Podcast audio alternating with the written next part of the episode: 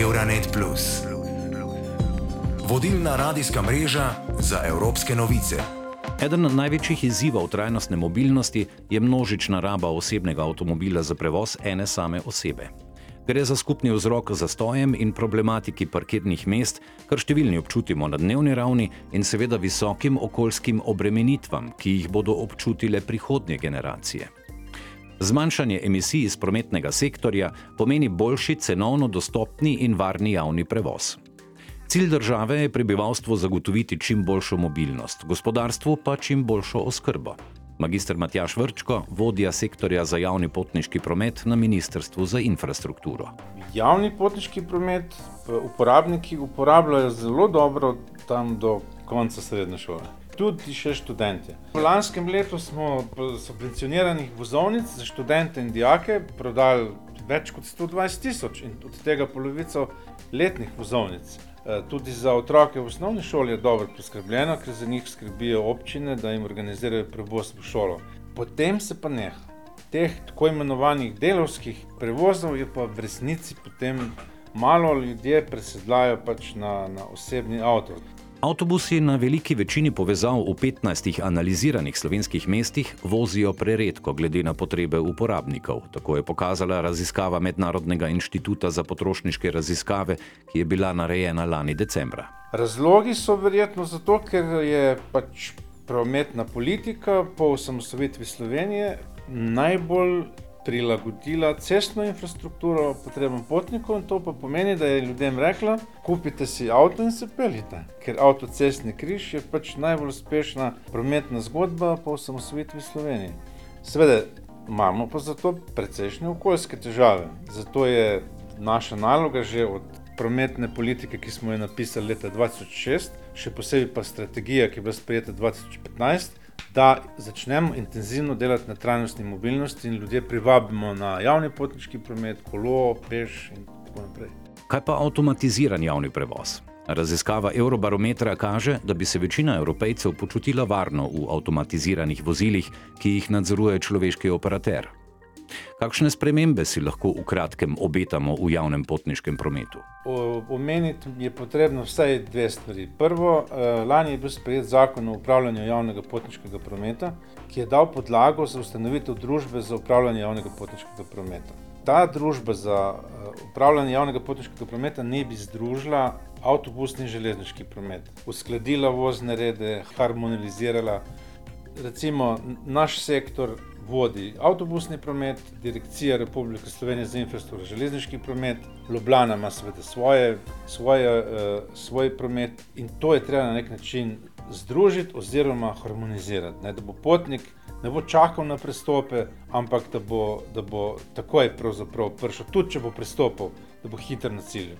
Družba naj bi bila tudi ustrezno ekipirana in opremljena, da bi tudi naredila takšne vozne rede.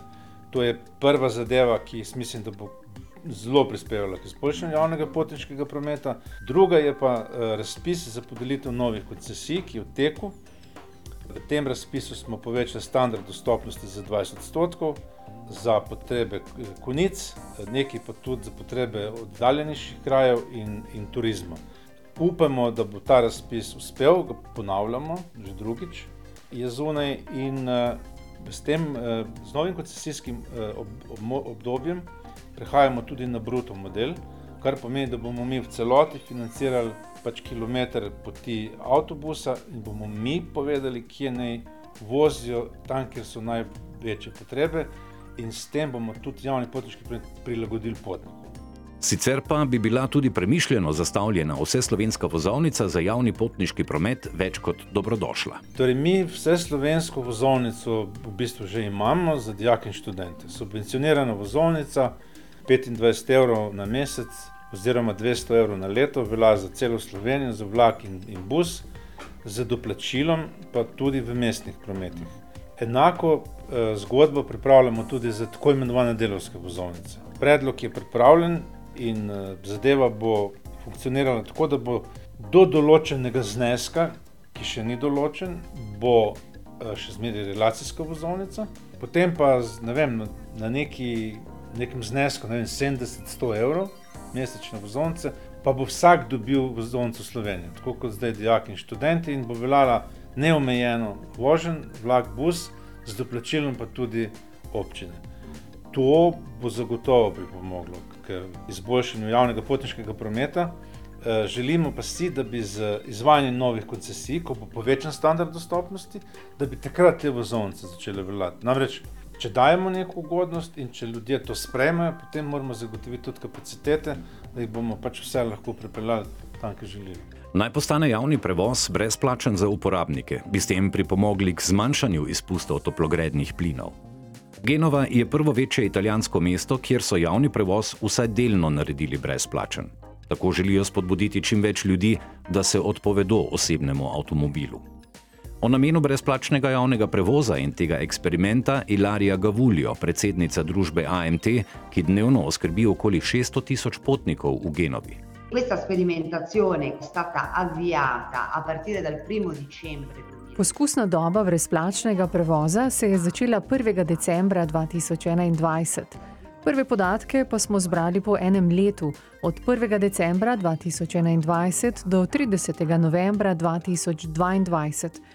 Medtem smo ga razširili tudi na celotno leto 2023. Najbolj zanimivi podatki so prišli iz podzemne železnice, kjer smo imeli tako brezplačne kot plačljive termine. Opazili smo skupno 44 odstotno povečanje števila uporabnikov, od tega kar 58 odstotkov v prostih terminih. Vendar smo gotovili tudi povečanje uporabe v plačljivih terminih za 34 odstotkov, kar je presenetljivo celo izjemno, če upoštevamo, da se je v drugih sektorjih javnega prevoza, kjer eksperimentiranja ni bilo, število uporabnikov povečalo le za 10 odstotkov. To pomeni, da je naš eksperiment nekako pritegnil starejše stranke, privabil nove ali ustvaril nove navade gibanja med prebivalstvom.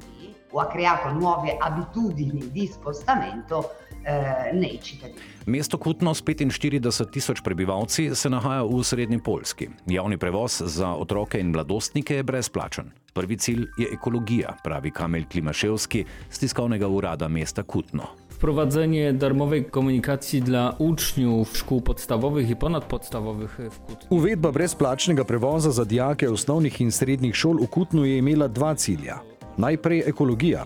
Torej smo se osredotočili na to, da starši otrok ne vozijo v šolo, ampak jih usmerijo na javni prevoz, ki je v Kutnu zelo dobro urejen. Drugi cilj je bil, da bi javni promet prepeljal toliko potnikov kot pred pandemijo. Pandemija je v Kutnu močno upočasnila uporabo javnega prevoza. Zaradi omejitev se je število potnikov zmanjšalo vsaj za polovico. Zato želimo delovanje javnega prometa povezati z načinom razmišljanja prebivalcev. Želimo pokazati, da ta obojestranska komunikacija obstaja in želimo, da bi jo ljudje preprosto uporabljali. Seveda lahko te brezplačne vožnje koristijo, kot rečeno, osnovnošolci, srednješolci in tudi dijaki do 21. leta starosti ob predložitvi dokazila o izobrazbi, torej preprosto šolske izkaznice. Te vožnje so zmeraj brezplačne, torej ne samo v šolo in nazaj, ampak tudi na primer na obisk k babici, v trgovino, na stadion, na tekmo ali na kak popodanski trening. Vse te vožnje so brezplačne in ne samo za prebivalce Kutne, torej načeloma za vse prebivalce celotne Polske.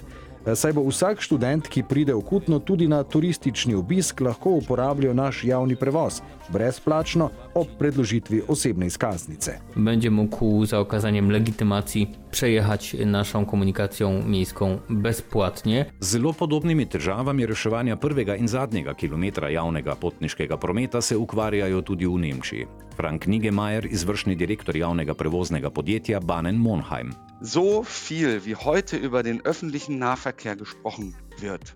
Ne spomnim se, da bi se kdaj toliko govorilo o javnem prometu. Ljudje so spoznali, da je to pomembna tema. Kar se do zdaj še ni naredilo, je to, da se ponudba razširi. To bi bil prvi pravi korak.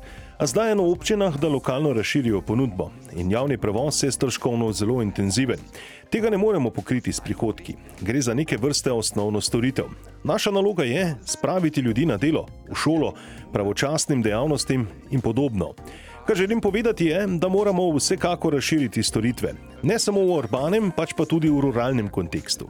Tam imamo včasih povezave, ki vozijo le vsako uro in je zato malo povezav s tramvaji in tako naprej.